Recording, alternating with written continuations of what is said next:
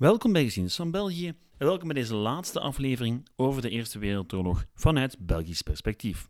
Vandaag hebben we het in de eerste plaats over waar de Belgische overheid en het Belgische leger zich eigenlijk mee bezig hield nadat het westelijke front volledig was vastgelopen in een loopgravenoorlog. En, ehm, ah ja, het einde van de oorlog. Dat ook. Verwacht dus dan een aflevering over Albert I, Yper, Centraal-Afrika, Rusland, regering en ballingschap en nog veel meer.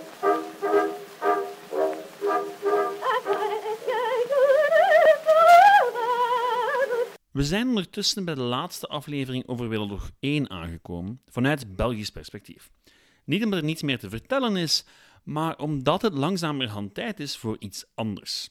De kans is groot dat ik af en toe nog wel eens terugkom op de Eerste Wereldoorlog, al is het maar omdat ik de komende maanden, langzaam maar zeker, ga toewerken richting Wereldoorlog 2. En tja, een heleboel zaken gaan dus wel terugkomen. Zaken die ik dan ook niet per se in deze aflevering moet stoppen. Over de gevolgen van het Verdrag van Versailles bijvoorbeeld zal ik het later zeker nog hebben als ik de jaren 20 en 30 onder de loep neem. Nu, vandaag gaan we dus vooral een paar onbekendere aspecten van de Eerste Wereldoorlog belichten. Want jongens, is er meer aan Wereldoorlog 1 dan de ijzer? Nu, die ijzer is zeker belangrijk en daar gaan we het vandaag dus ook over hebben, maar Belgische troepen vochten niet enkel van Luik tot Yper. Evengoed van Oekraïne tot Tanzania. En het is belangrijk om ook die gevechten te benadrukken. En hun rol in het diplomatieke spel. Want tja, de rol van België in de oorlog was niet uitgespeeld in oktober 1914, toen het leger zich achter de ijzer terugtrok. Het front aan die ijzer was ongeveer 30 kilometer lang en daarachter lag het onbezette België, waar Albert I zijn hoofdkwartier had, in Veurne, en ook het Belgisch leger. Want dat leger zou zich tot 1918 weinig of niet mengen in de grote offensieven van de geallieerden. Wat ook verklaart waarom ik niet elk van die offensieven uitgebreid uit de doeken ga doen. Nu, die offensieven waren heel belangrijk, maar daar waren niet heel veel Belgische soldaten bij betrokken. Na oktober 1914 werd de overgrote meerderheid van het vechten op Belgisch grondgebied en aan het Westerse front in het algemeen gedaan door Britten en Fransen. Nu, waarom dat is, daarvoor moet je vooral naar één man kijken: Albert I. Albert I hoorde de, de wilde plannen van Britten en Fransen steeds stoïcijns aan en besloot telkens dat hij zijn Belgische troepen toch grotendeels achter de ijzer houden zou. Want ja, eens de loopgraven gevormd waren, hadden zowel Duitsers als geallieerden er weinig beters op gevonden dan gigantische aanvallen uit te voeren op elkaars even ondoordringbare linies. En het gevolg waren slachtingen van formaat, waar zelden Belgische troepen bij betrokken waren. Behalve in 1918, het laatste definitieve offensief van de geallieerden. Wat natuurlijk helemaal niet wil zeggen dat leven als Belgische soldaat aan de ijzer een laggertje was. Dat was het helemaal niet. Maar de kans dat men in een zinloos offensief voor enkele meters niemandsland geworpen werd, wel, die kans was gewoon een stuk kleiner. Al stierven er uiteindelijk wel zo'n 20.000 soldaten aan de ijzer. Sommigen aan oorlogsgeweld, anderen aan ziektes die de ronde deden in de loopgraven. Ziekten zoals tyfus en andere. Maar dat was over de hele periode aan de ijzer heen. En het merendeel van de Belgische militaire slachtoffers viel eigenlijk bij het begin en op het einde van de oorlog. Zo'n 40.000 in totaal. Wat natuurlijk veel is, 40.000 mensenlevens, maar ja, eerlijk gezegd is het relatief weinig in vergelijking met de andere strijdende mogendheden. En dat aan zich, ja oké, zo vreemd is dat niet, gezien het schaalverschil tussen pakweg het Frans en het Belgische leger, maar zelfs dan blijven de Belgische militaire slachtoffers relatief laag. Neem nu de slag van de Somme bijvoorbeeld waar 420.000 Britten, 200.000 Fransen en bijna 450.000 Duitsers sneuvelen. Nu, die cijfers zijn slechts schattingen, maar geven wel aan wat zo'n slag teweeg kon brengen. En waarom Albert I zijn soldaten afzijdig hield. Nu, hij had er natuurlijk ook wel een officiële uitleg voor. Volgens Albert was België enkel in oorlog met Duitsland omwille de invasie van het land van het Belgisch grondgebied. En was dat grotere conflict, en dus de oorlog in Frankrijk, geen Belgische prioriteit.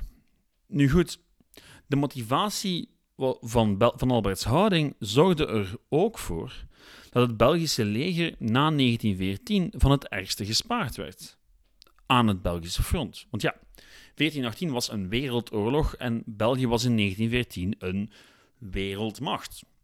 Wel, nu natuurlijk geen militaire grootmacht die meeging in de concurrentiestrijd tussen Frankrijk, Groot-Brittannië, Rusland en Duitsland, maar het Belgische grondgebied eindigde niet bij de Belgische grenzen. Er was ook Congo. En ook elders vochten Belgische troepen. Maar dat is voor straks. Ik wil het eerst nog even hebben over de politieke situatie van België. Wel, het officiële België in elk geval. Nu, de oorlog en de militaire gebeurtenissen die creëerden samen een nogal onverwachte situatie. Want koning Albert nam bij het uitbreken van de oorlog persoonlijk het bevel over het leger op zich en belandde uiteindelijk achter de ijzer. En hij vestigde zich in zijn zomerresidentie in de Pannen. Nu, zijn ministers waren vanuit Antwerpen naar Oostende gevlucht om uiteindelijk terecht te komen in La Havre, Normandië. En in die kleine gemeente van Saint-Adres bouwden ministers en ambtenaren zomerhuizen en hotels om tot regeringskantoren. In Le Havre en omgeving zouden zich uiteindelijk zo'n 13.000 Belgen vestigen. En dat was het begin van een nogal ongemakkelijke verhouding tussen koning en regering. Want ja, die ministers in ballingschap konden niet bijster veel uitrichten. Er was amper een vrij België over. En de koning, wel, die zat natuurlijk een stuk dichter bij de actie. Want tja, in zijn rol als opperbevelhebber van het leger bepaalde hij de koers. Ter grote frustratie van de ministers en kabinetsleider Charles de Broqueville, die voor 1914 minister van Oorlog was. En de Broqueville, ja, die wou ook beleid uitstippelen. En die ging dus in de clinch met de koning. En hij probeerde de ministeriële verantwoordelijkheid voor militaire operaties op te eisen. Zoals dat nu eigenlijk zou zijn. En tegelijkertijd nam hij het voortouw als eerste minister en probeerde hij de verschillende regeringsdepartementen op één lijn te krijgen. En Albert en de Brookville zouden een hele oorlog lang botsen over wie nu eigenlijk voor wat verantwoordelijk was. Maar op één punt zaten die twee wel op dezelfde lijn. Ze wouden een nationaal kabinet. Albert I had voor de oorlog al zijn wens uitgesproken voor een godsvrede, een nationaal verbond, waar iedereen aan de kant van België stond en eventjes, zolang de oorlog duurde, zijn problemen opzij zette. En dat lukte ook min of meer. Want ja, de koning wilde zijn toekomst niet verbinden aan het lot van één partij. En de Brockville was ervan overtuigd dat de katholieken de situatie niet alleen aankonden. Waar heel wat katholieke partijgenoten het moeilijk mee hadden. Maar goed, die katholieken die regeerden al sinds 1884 alleen. En plots werden ze gedwongen door Albert I om socialisten, liberalen mee in de regering te trekken. Een regering die eigenlijk ehm, ja, niet verkozen was. Want het had geen echt politiek mandaat. Want dat Belgische parlement, u weet wel, de vereniging van verkozen vertegenwoordigers van het volk, die de regering steunt, um, dat parlement bestond eigenlijk niet meer. Wel, in theorie wel, maar tja, slechts een 72-tal senatoren en kamerleden had het land weten te ontvluchten en zaten ze wat verspreid over Engeland en Frankrijk. En de regering deed ook geen poging om een voorlopig parlement in te stellen of zo. Nee, eigenlijk werd tijdens de oorlog de Belgische grondwet en de Belgische democratie dus voor een stuk opgeschorst. Want ja, van een wetgevende macht was geen sprake meer, enkel een uitvoerende. En de ironie is net dat België na de oorlog democratischer dan ooit zal worden, terwijl het tijdens de oorlog wel, super ondemocratisch was.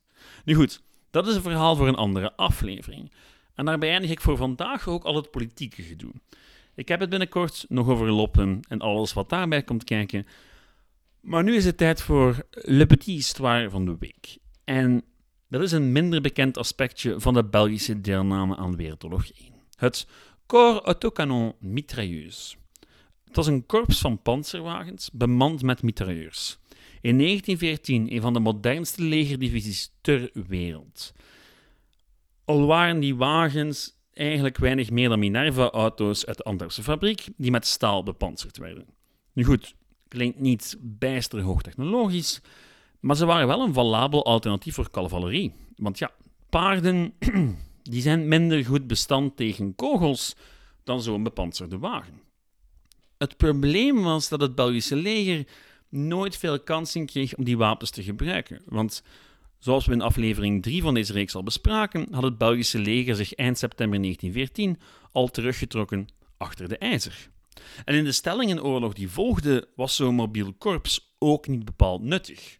Want ja, zo'n een panzerwagen of gewoon een auto met wat platen erop, die kon niet over loopgraven klimmen zoals de tanks later in de oorlog. En toch zou dat korps ingezet worden voor het einde van de oorlog.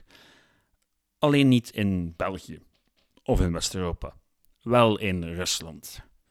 Want ja, ook aan de oostkant van Europa werd zwaar gevochten. En de Russen hadden het wel moeilijk tegen Duitsers en Oostenrijkers. Dus vroeg Tsar Nicolaas II aan Albert I of hij niet wat militaire steun kon krijgen. En Albert I stuurde vervolgens het relatief nutteloze autokorps naar de Russen toe. En dus vertrokken op 27 september 1915 361 Belgen en hun wagens en motto's, die zaten er ook tussen, naar de haven van Archelansk en vandaar naar het front in Galicië. Een regio die tegenwoordig verdeeld is tussen Oekraïne en Polen. Twee landen die toen niet bestonden. Nu, de Belgen konden op dat veel mobielere front, waar het veel meer heen en weer ging dan in het westen, wel laten zien wat ze konden en vochten van 1915 tot 1917 aan de kant van de Russen.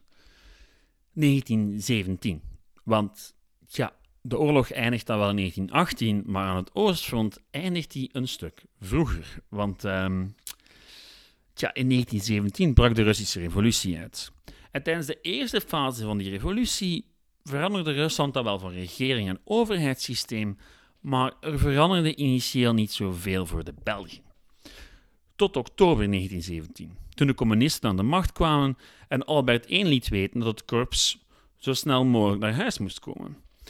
Wat een stuk moeilijker gezegd was dan gedaan, want ja, Rusland had zichzelf in een burgeroorlog gestort. En um, de makkelijkste weg naar huis, ja, daar zat Duitsland tussen. Dus plots was het allemaal een stuk moeilijker geworden om thuis te raken. En in Kiev kregen de Belgen uiteindelijk toestemming van de communisten om het land te verlaten. Al moesten ze wel hun, wapens, hun wagens achterlaten. Nu, dat verlaten van het land zou heel wat voeten in de aarde te hebben. Want geloof het of niet, die Belgische troepen die staan eigenlijk op het punt om een wereldreis te maken. Ze beslissen uiteindelijk om oostwaarts te trekken, naar Siberië te trekken, weg van het front en te hopen om zo via enkele neutrale landen ergens op een boot te kunnen kruipen. En dus reizen ze naar China. Ze gaan door China terug Rusland binnen om vanuit de haven van Vladivostok in eind april 1918 in te schepen naar de VS. Met de bedoeling om vandaar eindelijk naar België te gaan. Nu, aangekomen in San Francisco in de VS, moesten ze natuurlijk nog de hele VS oversteken. En op dat moment was er iemand ergens op een, op een bureau die dacht: aha, soldaten, Belgische soldaten, daar kunnen we iets mee doen. Want op dat moment was de VS in de oorlog terechtgekomen. En was het land eigenlijk nog volop bezig om zijn burgers te overtuigen dat die oorlog een goede zaak was. En plots liepen daar Belgische veteranen door de straten van San Francisco. Dus natuurlijk besloot men om die Belgische veteranen te gaan gebruiken als onderdeel van het propaganda. Dus ja, bij gevolg marcheerde het Belgische regiment door de straten van San Francisco, Sacramento, Chicago en vele anderen, om te eindigen in New York. Um, het is een fantastisch verhaal. Er is een boek over uitgekomen, King Albert's Heroes, hoe 400 jonge Belgen vochten in Rusland en de VS veroverden. Uh, het is een pracht van een verhaal. Echt een hele grote aanrader. ik heb me ongelooflijk geamuseerd tijdens het onderzoeken ehm, van dit verhaal. Ik wist dat het gebeurd was. Uh, ik had er al voor gehoord, maar de details zijn fantastisch. Er zaten ook allerhande rare figuren tussen. Een, een professionele worstelaar was een van de autobestuurders. Fantastisch verhaal, zeker een Google waard. Goed, tot daar de wereldreis van het uh, autoregiment in de Eerste Wereldoorlog. Um, terug naar dat andere Belgische verhaal van Wereldoorlog 1, dat een stuk minder bekend is. En misschien wel een stuk belangrijker, want dat is het verhaal van Congo. In 1914 was Congo officieel een Belgische kolonie. En niet zoals het lang geweest was, privé-eigendom van de Belgische koning. Leopold II, om precies te zijn. Nu, Congo was Leopold II afgenomen en een beetje tegen wil en dank in de handen terechtgekomen van de Belgische regering. Nu, tja, Congo was dus Belgisch grondgebied toen de oorlog uitbrak en in 1914 Duitse troepen België binnenvielen. En Belgisch-Congo was dan ook officieel in oorlog met Duitsland. En nu denkt u waarschijnlijk, och ja, zo erg is dat toch niet? Die Duitsers zitten toch ver weg in Europa? Wel, um, nee. Um, dat was een tijd zo geweest, maar vanaf 1884 was ook Duitsland een koloniale mogendheid geworden. En het hedendaagse Tanzania, Burundi, Cameroen, Namibië, Rwanda en Togo waren allemaal Duitse kolonies. En dat is niet zo indrukwekkend als het Britse of Franse koloniale imperium, maar toch wel een fijn stuk grondgebied dat in Afrika lag, wat verspreid. Maar goed, daar zaten dus Duitse troepen. En als u wat bekend bent met de Afrikaanse geografie, dan heert u al door dat het hedendaagse Burundi, Rwanda en Tanzania vlak naast Congo liggen. En dat België en Duitsland dus niet enkel in Europa buurlanden waren, maar evengoed in Afrika. En dat daar dus ook een stevig roertje gevochten werd. Eerst omdat de geallieerden schrik hadden van de Duitse havens in Oost-Afrika, en daarna gewoon om zoveel mogelijk grondgebied te kunnen veroveren voor de eigen kolonies. En ironisch genoeg had in 1914 België het grootste leger in Sub-Sahara-Afrika. Echt waar. De Force Publiek. Oorspronkelijk opgericht als het Congolese privéleger van Leopold II en verantwoordelijk voor een heleboel wandaden tijdens zijn bewind. Nu, in 1914 is de Force Publiek het Belgische leger in Congo en had het ironisch genoeg waarschijnlijk een stuk meer ervaring dan het leger in België. Want ja, dat koloniale leger was wel wat gewend. Het afrekenen met slavenhandelaren, of opstanden of muiterij van de eigen troepen. De Force Publiek had al een geschiedenis. En zij zouden vooral gebruikt worden tegen de Oost-Afrikaanse kolonies van de Duitsers. Meer bepaald in wat nu Rwanda, Burundi en Tanzania is. En al vanaf 1914 werd daar aan de grens gevochten. Maar de geallieerden zouden hun tijd nemen om een groot offensief voor te bereiden. Eentje waarvoor ongelooflijk veel mensen en goederen samengebundeld zouden worden. Nu, de Force Publiek, natuurlijk, maar evengoed 250.000 dragers, die alles naar het oosten van het land dragen moesten. Want ja, we zijn voor de aanleg van grote goede wegen, of zelfs treinsporen. Dus de makkelijkste manier om iets te transporteren was het te laten dragen. Nu, dat offensief had heel wat succes. Het was het bewuste Tabora-offensief, waar Britten en Belgen tegelijkertijd de Duitse gebieden binnenvielen. En na heel zware gevechten werd in 1916 uiteindelijk Tabora ingenomen door de Belgen. En daarmee hadden ze plots een groot deel van Duits-Oost-Afrika in handen. En in de jaren die volgden werd er nog meer gevochten en speelde de, de Publiek af en toe een hele grote rol. En uiteindelijk zouden, zo'n 2620 soldaten omkomen. En 15.650 dragers. Want die dragers, ja, dat waren meestal onopgeleide Congolezen die verplicht werden om mee te doen. En waarvoor niet gezorgd werd, die weinig voedsel kregen en dus de eerste slachtoffers waren van ziekte en uithongering. Oké. Nu, mag, nu kan u zich misschien afvragen waarom dat relevant is. het is inderdaad zo dat eh, de gevechten in Afrika weinig impact hadden op het Westerse front, wat waarschijnlijk het belangrijkste front was in de oorlog. Al was ook het Oosterse front heel belangrijk, maar het Afrikaanse front, er gebeurde van alles. Maar of dat echt impact had op het einde van de oorlog, eh, dat kan je inderdaad in vraag stellen. Nu, een belangrijk gevolg van de gevechten in Oost-Afrika was wel dat Afrika herverdeeld werd na de oorlog. Er werden opnieuw lijntjes getrokken op kaarten en bepaalde koloniale gebieden werden herverdeeld. Concreet werd heel het Duits-Afrikaans gebied gewoon opgedeeld.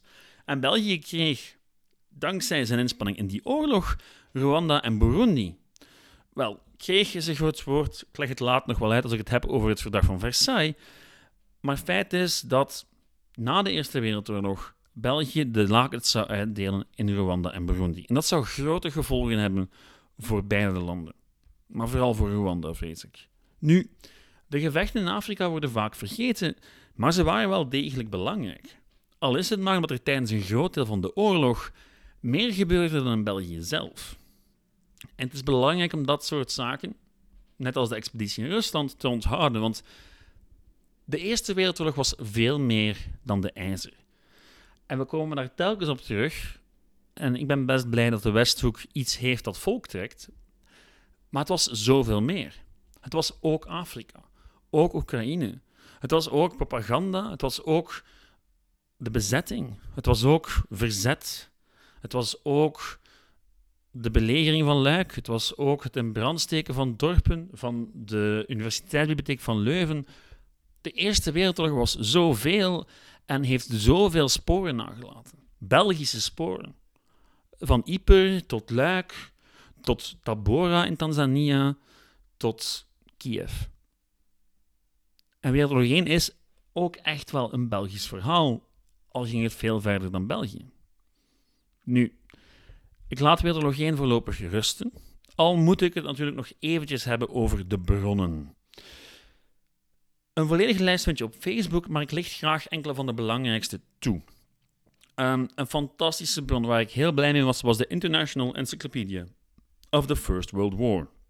Een online site met een heleboel academische artikels over de Eerste Wereldoorlog.